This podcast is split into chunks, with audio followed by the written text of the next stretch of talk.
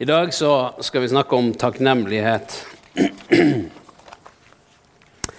Og eh, eh, overskriften min er 'Takknemlige kristne'. Det er kjekt med takknemlige kristne, ikke det? Det motsatte det er ikke så kjekt. Eh, så, så det med å, å ha takknemlighet, det, eh, det har noe med en måte å leve på. Eh, og eh, kristne de kan være positive, glade, takknemlige. Det, det, det har noe med mentalitet å gjøre. Det har noe med et valg å gjøre. Her For eh, noen uker siden så snakket jeg om det gamle mennesket versus det nye mennesket. Og Da sa vi noe om egenskapene til det nye mennesket, og at faktisk det er ting du kan si nei til. Det er ting du kan velge. Og Sånn er det òg med det å være en takknemlig kristen. Det er et valg. Og eh, det skal vi snakke litt om i dag. Er du klar? Er du klar? Vi må ha sånn skikkelig respons. sant? Er du klar? Er du takknemlig? Ja! vi leser først i uh, det første jeg har skrevet som punkt nummer én 'Gi Gud respons'. har Jeg skrevet. Så hvis du skal ha, Jeg har tre punkt. Det ene heter 'Gi Gud, Gud respons'. Det andre 'Gjør takknemlighet til en livsstil'. Og det tredje er 'Bli impregnert'. Så kan du lure på hva det handler om.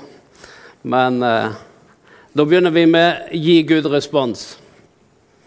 Ja, Det var derfor jeg først måtte ha respons, men uh, Kolosserbrevet 3, 15-16 leser vi. Der står det La Kristi fred råde hjertene, for til det ble dere kalt da dere ble ett legeme. Og vær takknemlige. La Kristi ord få rikelig plass hos dere, så dere med visdom kan lære og rettlede hverandre med salmer, hymner og åndelige sanger. Syng for Gud av et takknemlig hjerte. Det å ha takknemlighet, det å takke Gud, det er å gi Gud ære. Og eh, er det sånn at Gud vil ha respons og feedback? Ja, han vil det. Men han er ikke avhengig av det. Han er ikke avhengig av om vi eh, ber til han, om vi takker han, om vi gir respons til han. Eh, så når han sier det, så er det ikke for sin del, det er for vår del. Fordi at vi trenger det. Det er vi som trenger å gi respons til Gud. Det er vi som trenger å gi takk og ære tilbake til Han. Ikke bare en gang i året, men hele tiden. Fordi det skjer noe med oss når vi er takknemlige. Og Derfor så sier Paulus 'vær takknemlig' og 'syng av Gud av et takknemlig hjerte'. Det blir en litt annet trøkk i sangen når du synger med takknemlighet. I Efeserbrevet 5,20 så står det 'Takk alltid Gud Faderen for alle ting' i vår Herre Jesu Kristi navn. Og i første Te- Tessalonikerne så står det slik i vers eh, 15 La ingen 5.15 La ingen gjengjelde ondt med ondt, men strev etter å gjøre godt mot hverandre, ja, mot alle. Vær alltid glade. Be stadig. Takk Gud under alle forhold, for dette er Guds vilje med dere i Kristus Jesus. Ja, men det er ikke så lett. Sant? Da kommer den tanken skal vi alltid være glade? Skal vi takke Gud for alle ting? Nei, det er ikke det at vi skal takke Gud for alle ting, men vi skal være, ha en takknemlighet i alle ting. Og eh, hvis du leser i, eh, i eh, Habakuk, så, så, så er det en som eh, Egentlig så skjærer alt seg. Fikentreet, det blomstrer ikke. Frukten, det blir borte. Eplene, de er markspist. Det er forskjellige ting som sier så, sier han selv om, sier han. Selv om det skjer, selv om jeg går konkurs, selv om jeg, om jeg det, krasjer med bilen, selv om eh, et eller annet skjer, så står det så vil jeg likevel fryde meg i Herren og glede meg i min frelse. Så det er et eller annet med en mentalitet. Fordi en kan legge seg under det som skjer, og så la det styre hele humøret. Alt det en gjør. Eller en kan bestemme seg at uansett hva som skjer, så skal jeg takke Gud. Så skal jeg prise Gud. Så skal jeg lovsynge. Paulus og Silas leser vi om. De satt i fengsel. Innerst i det verste fengselscella, der satt de. Hva gjorde de?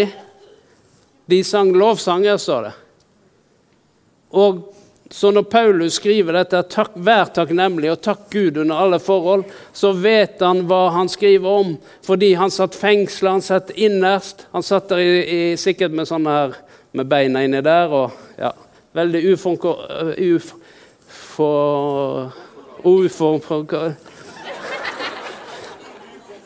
Ukomfortabelt. Det var godt. Det er det vi har møteverter for. At de skal hjelpe. Men hva gjør han da? Uff og akk. Klaging, syting. Nei, da står det at de sang lovsanger. Og så kom Gud der og rista hele fengselet, står det. Det kom et jordskjelv. Jeg vet ikke om det var Gud som rista fengselet, eller om det var bare et jordskjelv som kom akkurat da. Det står det ingenting om, men det står at hele fengselet rista. Og så sprang alle dørene opp, lenkene, og de var fri. Så Derfor eh, tror jeg at Gud viste det som et bilde på hva som skjer når takknemlighet kommer inn, og en lovpriser Gud midt i omstendighetene. Det er det som er. Vi synger jo noen sanger og, eh, hvor eh, det handler om det å på en måte midt i omstendighetene bare lovprise Gud. Og eh, eh, Salme 100 skal ikke lese den, men Salme 100, der står det 'rop av glede'. står det. Kom fram for hans åsyn med jubelrop. Gå inn gjennom hans porter med takkesang og lovprisning, fordi at Herren er god. Så, så David han eh, hadde lagt inn dette allerede i sin måte å være på. Så han sa, rop til Herren, ha jubelrop, ikke bare på stadion, men ha det i, huset ditt, ikke bare i menigheten. Men når du er for deg sjøl, så kan du ha jubelrop. Du kan danse i stua di. Gjør du det av og til? Helt for deg sjøl? Jeg må gjøre det av og til. Fordi det er et eller annet å bare riste av seg ting når du danser. Men det er et valg. Er det sånn at jeg da føler for å danse? Sant? Så Per Ove prøvde seg her i sted. Jeg så det. Altså, du kan jo tenke deg hvordan det ser ut når han er hjemme alene. At du skulle gjerne hatt et videokamera der som fanger opp Per Ove Berg i vill ekstase i stua. Men det er, veldig, det er, et eller annet som skjer når vi er takknemlige, når vi lovpriser. Det er, det, det er som om ting ikke fester seg på. Så her er punkt to. Gjør takknemlighet til en livsstil. Da går vi til Filipperbrevet 4, og så leser vi i vers 4. Og så hopper vi til 6 og 7, og så skal vi òg lese vers 8. Men vi begynner med eh, vers 4. Der står det 'Gled dere i Herren alltid'. Igjen vil jeg si 'gled dere'. Vær ikke bekymret for noe, men la alle men la alt som ligger dere på hjertet, komme fram for Gud i bønn og påkallelse med takk. Og Guds fred, som overgår all forstand, skal bevare deres hjerter og tanker i Kristus Jesus. Hva er det som skjer? Jo, her står, sier han først 'gled dere i Herren alltid', og så kommer han rett over i bekymring. Snakk om bekymring. Og så går han rett over fra bekymring og snakker om fred, som overgår all forstand. Og eh, det er jo slik da at eh, eh, fred og bekymring det fungerer ikke i samme hus. Det går ikke i samme hus. Så da sier han hvis du skal ha Guds fred, da må du gi fra deg bekymringen. Du kan ikke holde fast med bekymringen og samtidig forvente Guds fred. For de to de, de kan ikke være i samme hus. Så Derfor sier han, 'Kast all din bekymring på Herren', for han har omsorg for oss. Og så står det at når vi gjør det, så skal du gjøre det med bønn og takk. Og så skjer det noe. Så skal Guds fred, som overgår all forstand, fylle ditt hjerte og ditt sinn, din tanke. Så dette er altså en byttehandel hvor du gir fra deg noen ting og sier, 'Herre, det her kan jeg gjøre noe med uansett.' Så hvorfor skal jeg gå og holde på denne bekymringen? Jeg gir den til deg, Herre. Jeg gir det fra meg. Og så tar jeg imot din fred i denne situasjonen. Og så står det videre her For øvrig, brødre, alt som er sant, alt som er edelt, alt som er rett og rent, alt som er verdt å elske, all god gjerning, alt som fortjener ros, legg vind på det. Gjør det dere har lært og tatt imot og sett og hørt av meg, så skal fredens Gud være med dere. Så her kommer det noen ord som sant, edelt, rett, rent, verd å elske, respektere, gi ros og ære, og de ting som tales vel om. Og så sier han 'legg vind på det'. Og når han sier dette, så er det fordi det her har noe med mentalitet å gjøre. Du kan velge å gjøre det motsatte. Snakke om det som er usant, det som er urent, det som ikke er rett, det som ikke er verdt å elske. Det motsatte av respekt er forakt. Istedenfor å gi ros, så prater du noen ned. Istedenfor å gi ære, så sparker du litt. Det er det motsatte. Men han sier at ikke legg vind på det. Legg vind på et liv hvor du løfter opp andre, hvor du velsigner, hvor du snakker eh, rett og rent. Og alt dette her til sammen med takknemlighet, så skjer det noe fordi du etablerer en livsstil. En takknemlighet som livsstil. Og når du gjør det, så beskytter du deg selv. Du får det faktisk bedre både fysisk og psykisk.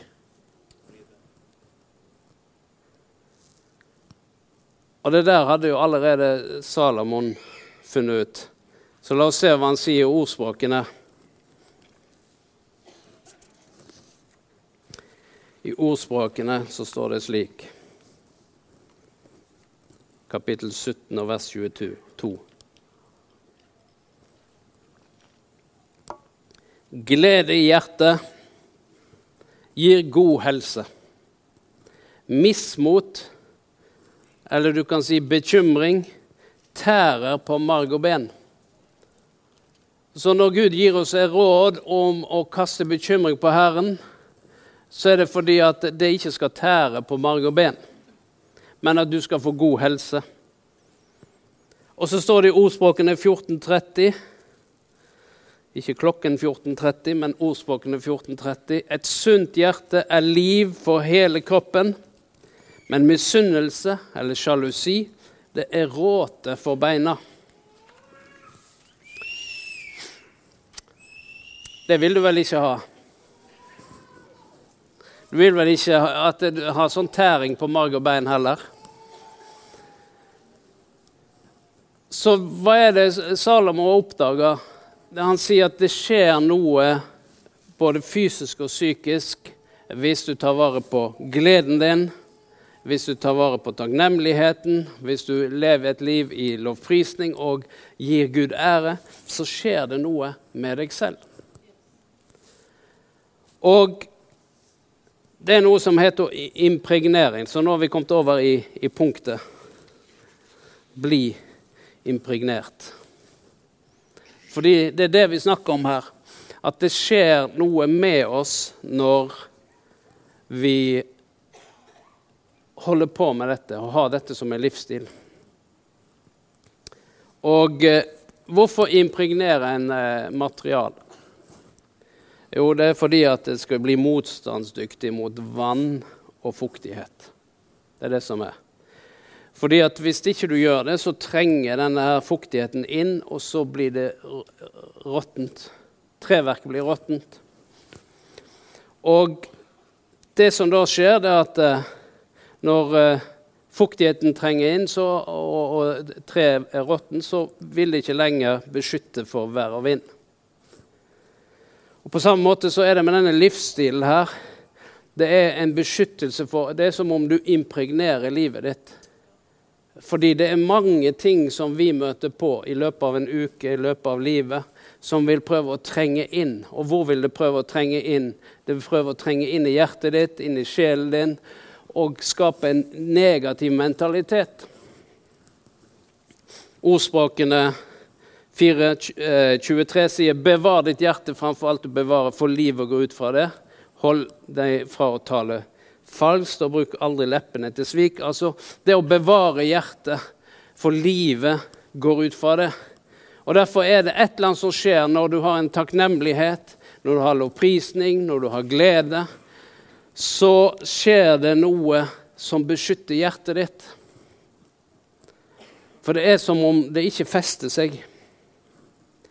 Det står om tungen vår, f.eks. I Jakob 3,6 står det at tungen har slik plass blant våre lemmer at den smitter hele kroppen.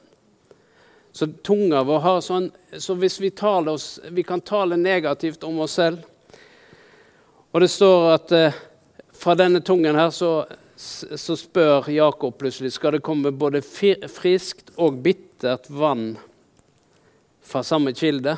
Nei, det skal ikke det. Og derfor er det igjen så er det at det er noe du kan velge. Det å være en kilde til liv, det er noe du velger. Det å, å, å være takknemlig.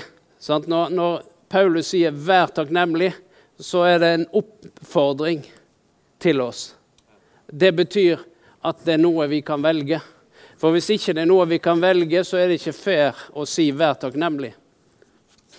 Så Derfor så er det noe med denne livsstilen. Jeg tok med meg en eh, planke i dag.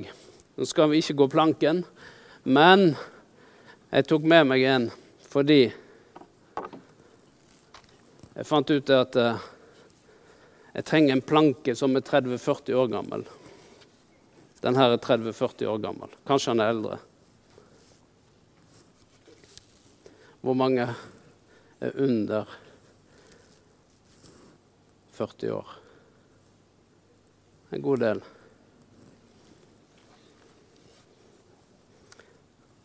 Og den planken her, den er malt, ser du det? Det betyr at uh, den er malt flere ganger. Det er en beskyttelse mot vær og vind, så det trenger ikke gjennom. Men hvis vi snur den og ser på baksiden, så er den faktisk like frisk som for 40 år siden. Fordi det som skjer, det er det at hvis det trenger inn, så blir dette råttent. Det skjer noe med treverket.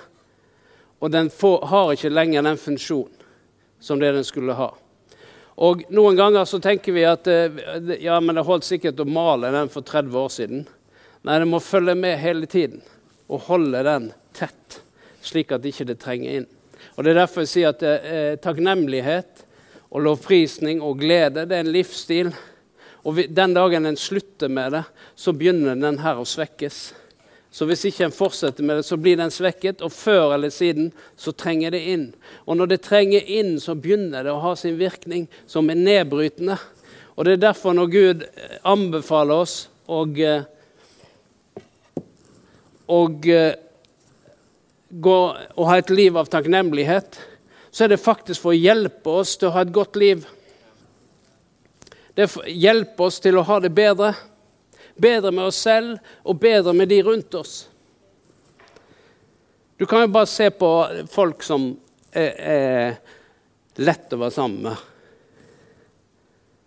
Det er jo folk som er takknemlige og glade og positive og løsningsorienterte.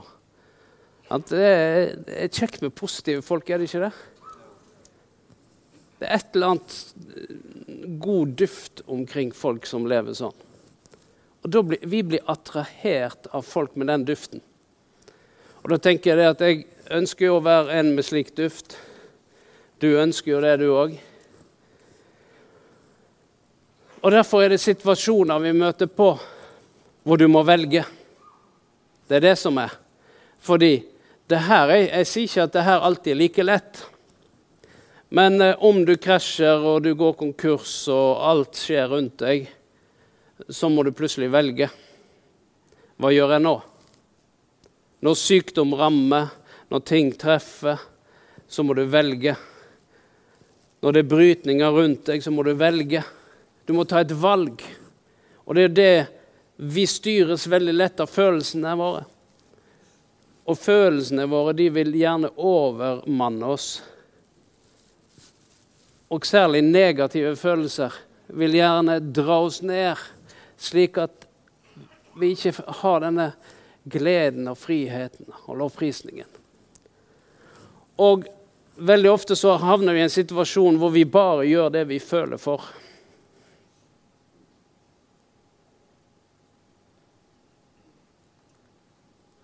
Og når omstendighetene er tøffe, det er ikke sikkert du føler for å lovprise Gud. Det er ikke sikkert du føler for å takke. Det er ikke sikkert du føler for å gjøre som Per Ove, danse. Jeg har ikke samme teken som han. Men, men det er ikke sikkert du føler for å gjøre det. Men det er et eller annet når du bestemmer deg for det gjør det likevel. Jeg gjør det likevel.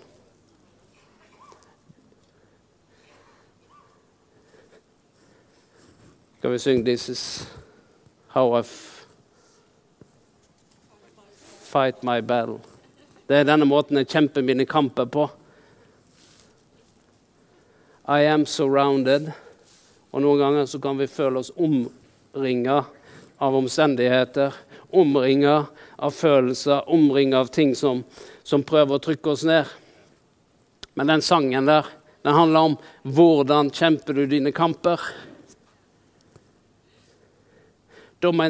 Det er faktisk sånn at vi må kjempe våre kamper motsatt av det som omstendighetene vil at vi skal gjøre. For omstendighetene de vil at du skal sette deg ned. Omstendighetene vil at du skal legge deg ned. Omstendighetene vil at du skal lukke munnen. Men det er et eller annet som Bibelen lærer her, og som Paulus faktisk demonstrerer der i fengselet. Jeg føler ikke for å synge nå. Men jeg gjør det likevel. Jeg gjør det likevel. Jeg føler ikke for å danse nå. Nå kunne ikke Paulus danse akkurat i det der. Men en gjør det likevel. Og det, det er som om disse usynlige trådene som prøver å på en måte vikle seg rundt deg, det er som om de ikke får noe feste. Vi snakker om vann som renner av gåsa. Og det er det som skjer. Det er, det er, ting som treffer deg. Og det trenger ikke inn fordi at du er så godt beskytta. Så det trenger ikke inn. Fordi din takknemlighet, det er blitt din livsstil. Så selv om det og det og det skjer, så har du bestemt deg, så vil jeg lovprise Gud. Selv om det skjer, selv om så skjer, selv om det og det skjer. Betyr det at vi ikke skal sørge? Jo, det er en tid for sorg. Betyr det at vi ikke skal eh, kjenne etter ting? Jo, vi skal være ærlige med det vi føler. Det er ikke det vi snakker om. Fordi at eh, vi skal være sanne med oss sjøl. Men det er noen ganger så plutselig kommer dette sigende, så at du skal legge deg under disse tingene. Og så mister du plutselig friheten din, gleden din, takknemligheten din. Og det der kommer sigende. Og vi merker det noen ganger ikke. At ja, men nå er det jo tre måneder siden at jeg egentlig lovpriste og takket Gud og hadde med en dans på kjøkkenet. Da kan det være at du har mista noen ting. Men hvordan tar du det tilbake? Jo, når jeg føler for det. Nei, det er bare til å gjøre det. Det er det som er. Så da tar du og kjører på musikk gjennom anlegget. Sant? For du har ikke lovsangstime der i stua di, men du, du, har musikk på Spotify, og du bare plukker ned noe så du kjenner dette. Dette er måten jeg kjemper mine kamper på. Du kjører på full guffe der. Ja, men jeg føler ikke for å danse. Ja, men da får du litt drahjelp der gjennom musikken, og så tar du en dans. Og så tenker du at nå skal jeg proklamere Guds ord. Så finner du fram en bibelvers som ikke kanskje er det du føler for for øyeblikket, men du bare proklamerer ut det Guds ord sier, som er sannhet. For Guds ord er sannhet. Det kan godt være det er en sannhet, det som skjer i din omstendighet. Men likevel så fins det en annen sannhet også. Og i den sannheten så sier du, 'Herre, du er trofast. Herre, du er med meg. Herre, du svikter meg aldri. Takk, Herre, for gleden i deg er min styrke. Og plutselig så skjer det noe rundt deg. Du snur en atmosfære, du snur en, en uh, mentalitet eller noe du føler. Og så kjenner du at disse her trådene de, de får ikke noe feste på deg. Dette er mitt beste juletips. Sant? Det er faktisk.